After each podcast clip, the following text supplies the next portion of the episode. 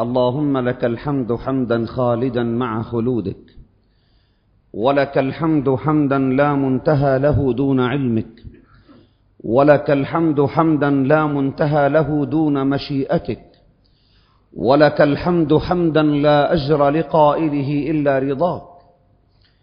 والصلاة والسلام على المبعوث رحمة للعالمين سيدنا محمد وعلى آله وأصحابه ومن تبعهم بإحسان إلى يوم الدين. يا أيها الناس اتقوا ربكم إن زلزلة الساعة شيء عظيم. يوم ترونها تذهل كل مرضعة عما أرضعت وتضع كل ذات حمل حملها وترى الناس سكارى وما هم بسكارى ولكن عذاب الله شديد. يا أيها الذين آمنوا اتقوا الله وقولوا قولا سديدا. يصلح لكم أعمالكم ويغفر لكم ذنوبكم. ومن يطع الله ورسوله فقد فاز فوزا عظيما. وبعد أيها الإخوة في نظام الأخلاق في الإسلام والإسلام يقوم على أنظمة ثلاث نظام الأخلاق ونظام المال ونظام الأسرة. وقد بدأنا بنظام الأخلاق فتناولنا مكانة الأخلاق في الإسلام وتناولنا ارتباط الأخلاق بالعقيدة والعبادة. ونأتي اليوم على خصائص الأخلاق في الإسلام. ما هي خصائص الأخلاق في الإسلام؟ ويأتي علينا شهر رمضان المبارك. منبع ثر من منابع الأخلاق والإيمان واليقين. يزداد فيه الإنسان هدى إلى هداه وتقوى إلى تقواه ويزداد فيه الإنسان أخلاقا عظيمة فشهر رمضان مدرسة للأخلاق. بعد ثلاثين يوما من الصيام يخرج الإنسان من شهر رمضان فإذا به قمة في الأخلاق وقمة في الأدب الرفيع مع الله عز وجل ومع خلق الناس ومع خلق الله أجمعين. معاشر الإخوة تتسم الأخلاق بالإسلام بأربع سمات أربع خصائص. الخصيصة الأولى والميزة الأولى للأخلاق في الإسلام الثبات. فهي أخلاق ثابتة في كل زمان ومكان وفي كل آن وحين فالصدق صدق في كل الأح في كل الأحيان. وفي كل الأماكن. الصبر صبر في كل مكان وعلى مختلف الدهور والعصور. ولا تختلف عندنا الأخلاق من مكان إلى آخر ولا من إقليم إلى إقليم. فالذي يصدق في شمال الأرض يصدق في جنوبها والذي يصدق في شرقها يصدق في غربها. كانت بعض الأمم السابقة لها نوعان من الأخلاق. أخلاق داخلية تتعامل فيما بينها بها وهي أخلاق الفضائل التي نعلمها وأخلاق أخرى يتعاملون بها مع غيرهم يكيلون بمكيالين. وعاد الزمان أدراجه لنرى كيلا بمكيالين. ولنرى عدلا في الداخل وظلما في الخارج. من أمم محسوبة على رقي وعلى تقدم وحضارة. أما الأخلاق في الإسلام فهي أخلاق ثابتة في كل شخص وفي كل زمان وفي كل مكان. ثابتة لأنها تتعلق بالعقيدة فهي تكيفها على أتم وجه وعلى أحسن ما يرام. وهي ثابتة لأنها لا تستمد قيمها من تشريعات متغيرة بل تستمد هذه الأخلاق قيمتها ومكانتها من القرآن الكريم كتاب الله عز وجل ومن سنة المصطفى صلى الله عليه وسلم التي لا تميل مع الهوى ولا ولا تزيغ مع الزائغين. لقد بين القرآن الكريم أن الأخلاق هي قيمة الإنسان وقيمة المجتمع. ميز القرآن بين الخير والشر بين الفضيلة والرذيلة وكانت السنة النبوية قد أسست للأخلاق الفاضلة. فنبينا محمد صلى الله عليه وسلم في سلوكه وأخلاقه هو المقياس الحقيقي للأخلاق. فإذا أردت أن تقيس أخلاقك فعليك أن تقيسها إلى النبي المصطفى عليه الصلاة والسلام. ميزة الثبات لا تتغير الأخلاق. الميزة الثانية الشمول. الأخلاق شاملة لكل شيء. في كل المجالات لكل الناس في الداخل والخارج على المستوى الفرد والأسرة والمجتمع. على مستوى المسلمين وعلى مستوى غير المسلمين. ترى الأخلاق مع الجميع. فلا نصدق مع المؤمنين ونكذب مع الكافرين. ولا نصدق نصدق مع المؤمنين ونكذب مع غير المؤمنين. ولا نكون مع المؤمنين أمناء ومع غير المؤمنين غير أمناء هكذا فعل اليهود. ذلك بأنهم قالوا ليس علينا في الأميين سبيل. هكذا فعل اليهود الذين رأوا أنهم إن ظلموا غير اليهود فهم غير آثمين عند الله. الظلم حرام على كل الناس وعلى كل المجتمعات. فليست أخلاق الإنسان خاصة في مكان دون مكان بل هي شاملة لكل شيء. لا يصدق مع زوجته وأولاده ثم يكذب في المجتمع أو لا يصدق في المجتمع ويكذب في بيته. فالإسلام لم يدع جانبا من جوانب الحياة الإنسانية الروحية والجسمية والدينية والعقلية إلا رسم المنهج الأمثل لهذا السلوك العظيم. فتشمل دائرة الأخلاق كل شيء. انظروا إلى النفس البشرية هذبها القرآن. قال تعالى ونفس وما سواها فألهمها فجورها وتقواها. قد أفلح من زكاها وقد خاب من دساها. أما فيما يتعلق بالأسرة بالعلاقة بين الزوجين نظم العلاقة الأخلاقية بينهما وعاشروهن بالمعروف فإن كرهتموهن فعسى أن تكرهوا شيئا ويجعل الله فيه خيرا كثيرا. فيما يتعلق بعلاقة الأبوين والأولاد. قال تعالى ووصينا الإنسان بوالديه إحسانا وقال عن الأولاد ولا تقتلوا أولادكم خشية إملاق في علاقة الأقارب بعضهم ببعض وآت ذا القربى حقه والمسكين وابن السبيل ولا تبذر تبذيرا فيما يتعلق بالمجتمع قال تعالى يا أيها الذين آمنوا لا تدخلوا بيوتا غير بيوتكم حتى تستأنسوا وتسلموا على أهلها. ذلكم خير لكم إن كنتم تعلمون. وقال, تع... وقال عليه الصلاة والسلام في علاقة المجتمع بعضه ببعض تبسمك في وجه أخيك صدقة. في تكافل المجتمع وتعاونه قال عليه الصلاة والسلام ما آمن بي من بات شبعان وجاره إلى جنبه جائع وهو يعلم.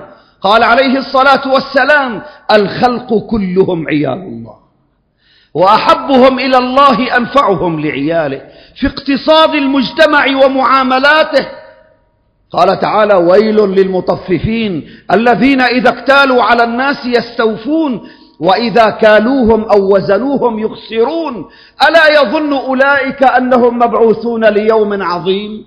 يوم يقوم الناس لرب العالمين.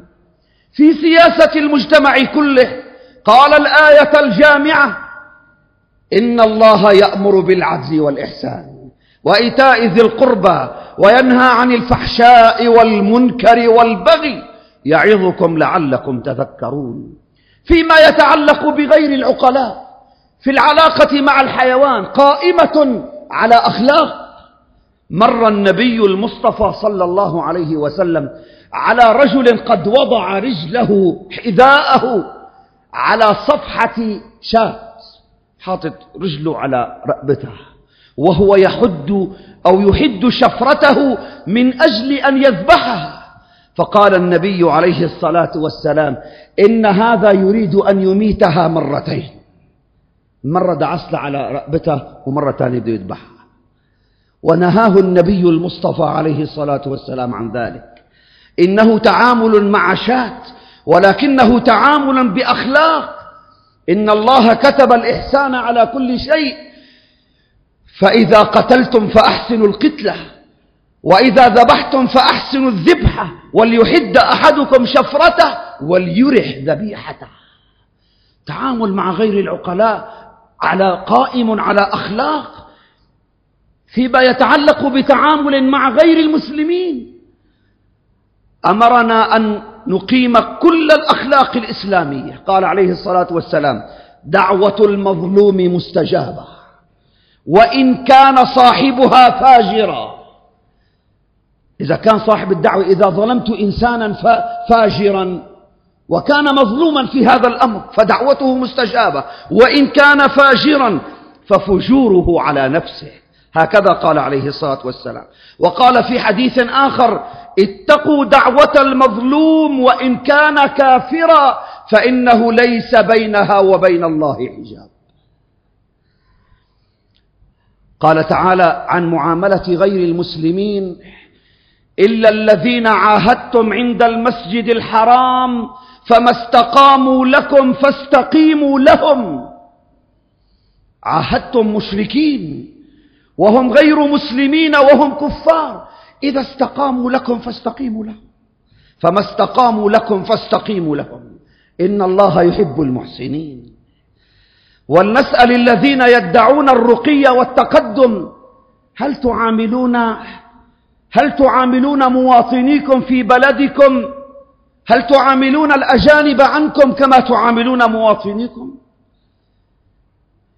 وترى أخلاقا متفاوتة ما بين الداخل والخارج ما بين الأبيض والأسود ما بين المسلم وغير المسلم. هكذا تقدمهم وهكذا رقيهم. جاء يهودي يطلب دينا له من النبي صلى الله عليه وسلم وأغلظ القول على نبينا عليه الصلاة والسلام. وقال له يا بني يا, يا محمد يا محمد أعطني ديني. وهو رسول الله وهو قائد الأمة وهو خير الخلق على الله. يا محمد أعطني ديني. يا بني عبد المطلب إنكم قوم مطل. فهم به عمر بن الخطاب أن يضرب رأسه. فقال النبي المصطفى له ليعلمه وليعلمنا. مه يا عمر؟ مه يا عمر؟ كان عليك أن تأمره بحسن التقاضي وأن تأمرني بحسن الأداء. تقول له اطلب حقك بلطف وتأمرني إلي كمان أنه أدي له حقه كاملا دون نقصان. لما رأى اليهودي هذا الخلق من نبينا عليه الصلاة والسلام قال ما جئت أطلب دينا إنما جئت مختبرا أن حلمك يسبق غضبك فرأيت ذلك أشهد أن لا إله إلا الله وأنك رسول الله الدنيا كلها أخلاق المجتمعات كلها أخلاق أيها السادة أرجو من الإخوة أن يتقدموا قليلا ليتسنى للإخوة المتأخرين الجلوس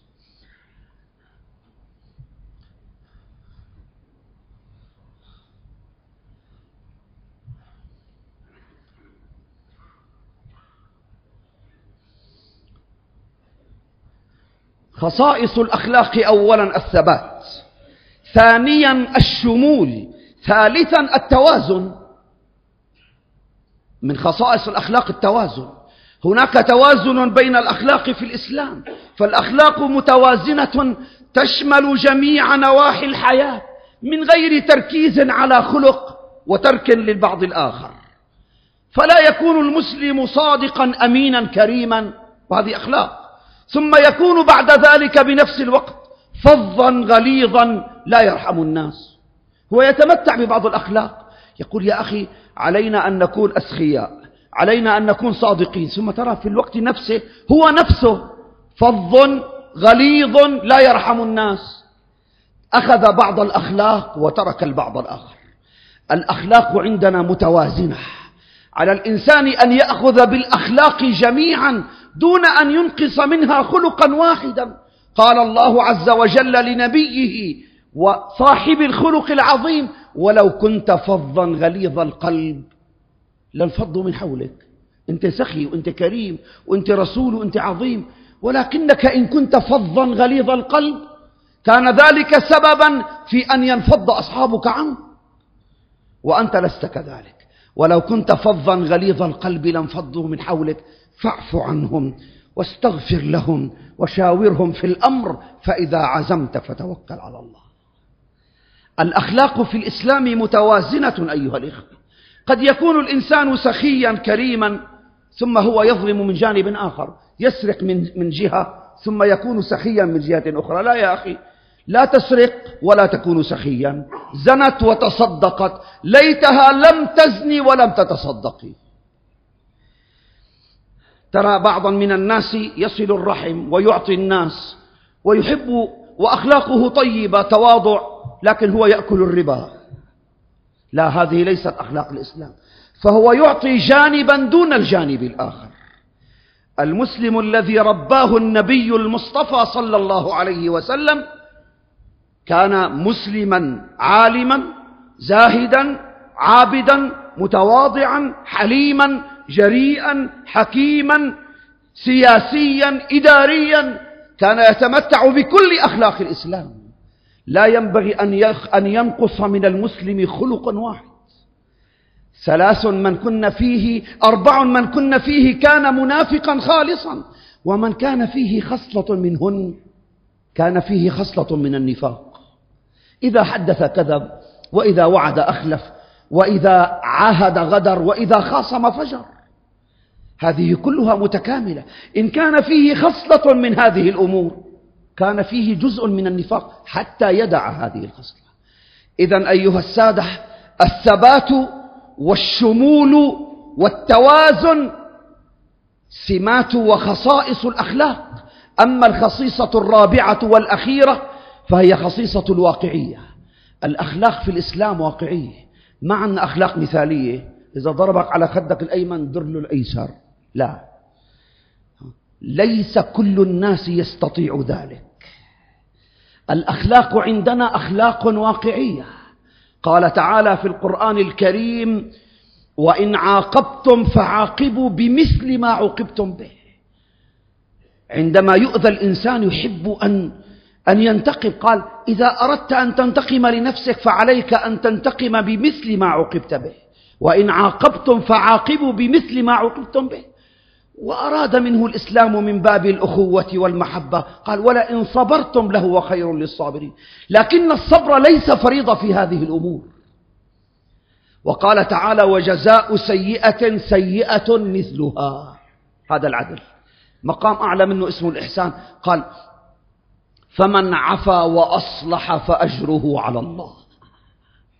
فمن عفا وأصلح فأجره على الله. هذا من واقعية الإسلام أيها الإخوة. الإسلام دين واقعي. الأخلاق في الإسلام واقعية وليست مثالية. قال لا عليه أن يضرب الكف الأول والثاني والثالث وهو ينظر ويقول لو الله يسامحه لا المسلم ليس هكذا. المسلم عنده شعور العزة. فإن ظلم فعليه أن ينتصر ولمن انتصر من بعد ظلمه فأولئك ما عليهم من سبيل. راعى الإسلام واقعية الإنسان وفرض عليه أخلاقا واقعية غير مثالية اعترف بضعفه البشري وبطاقته المتوسطة فما كلفه ما لا يطيق. قال تعالى وما جعل عليكم في الدين من حرج. لا يكلف الله نفسا إلا وسعها. أقر الإسلام بالتفاوت بين الناس في قوة الإيمان. ليس كلهم على مستوى عالي. لا بعضهم أعلى وبعضهم أقل. هناك مرتبة اسمها الإسلام ومرتبة اسمها الإيمان ومرتبة أعلى اسمها الإحسان. وهكذا والناس متفاوتون بين هذه المراتب الثلاثة. من واقعية الإسلام معاشر الإخوة أنه لم يفترض في أهل التقوى أن يكونوا براء من كل عيب أو نقص. أخي هذا فلان بيصلي لازم يكون ولي من أولياء الله. لا. الناس بطبائعهم يعني كل بني آدم خطاء وخير الخطائين التوابون؟ قال تعالى وسارعوا إلى مغفرة من ربكم وجنة عرضها السماوات والأرض أعدت للمتقين الذين ينفقون في السراء والضراء والكاظمين الغيظ والعافين عن الناس والله يحب المحسنين والذين إذا فعلوا فاحشة هم مؤمنون ومسلمون ولكنهم يرتكبون المعاصي أحيانا والذين إذا فعلوا فاحشة أو ظلموا أنفسهم ذكروا الله فاستغفروا لذنوبهم. المشكلة الإصرار على الذنب فإن فعل الإنسان معصية أو فعل شيئا مما يخالف فيه أوامر الله كان عليه أن يرجع إلى الله عز وجل سريعا. وقال تعالى إن الذين اتقوا إذا مسهم طائف من الشيطان تذكروا فإذا هم مبصرون. جمع الإسلام بين المثالية والواقعية فمن كان يحب الخير الكثير وجد في أخلاق الإسلام بغيته ومن كان يحب العدل وإقامة العدل على حده تماما دون أن يأخذ طابع الإحسان يجد في الإسلام ما ينال به بغيته فيجد في الإسلام مثالية ويجد في الإسلام واقعية لكن الإسلام بتشريعه كله واقعي. فإذا أراد أحد الناس أن يلزم جانب المثالية بنفسه وجد في الإسلام ما يعينه على ذلك. قال تعالى وإن كان ذو عسرة فنظرة إلى ميسرة. هذا اسمه الإحسان. وأن تصدقوا خير لكم إن كنتم تعلمون. بعض الناس من يريد ذلك بعض الناس من يؤثر على نفسه فما كان في يده وهو بحاجة إليه أعطاه لغيره. الإسلام لم يفرض عليه ذلك لكنه هو إن أحب هذا الأمر فالإسلام لا يمنعه من ذلك. أسأل الله سبحانه وتعالى أن يوفقنا جميعا لما يحب ويرضى. أولا الثبات خصائص الأخلاق الثبات. ثانيا الشمول. ثالثا التوازن رابعا الواقعية. هذه خصائص الأخلاق في الإسلام. في خطبة قادمة إن شاء الله عز وجل نميز بين الأخلاق عند المسلمين وبين الأخلاق عند غير المسلمين. ما هي الفوارق بينها؟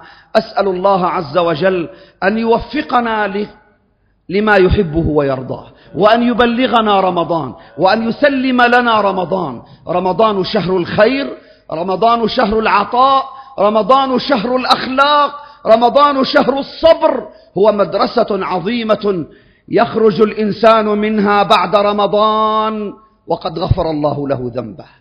اللهم اغفر لنا ذنوبنا. فمن صام رمضان إيمانا واحتسابا غفر له ما تقدم من ذنبه. ومن قام رمضان إيمانا واحتسابا غفر له ما تقدم من ذنبه. اللهم سلمنا لرمضان وسلم رمضان لنا. وتسلمه منا متقبلا يا رب العالمين.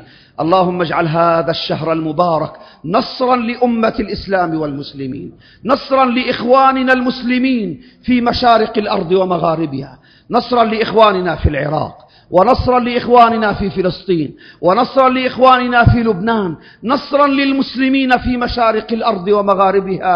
إنك يا مولانا سميع قريب مجيب أقول قولي هذا وأستغفر الله.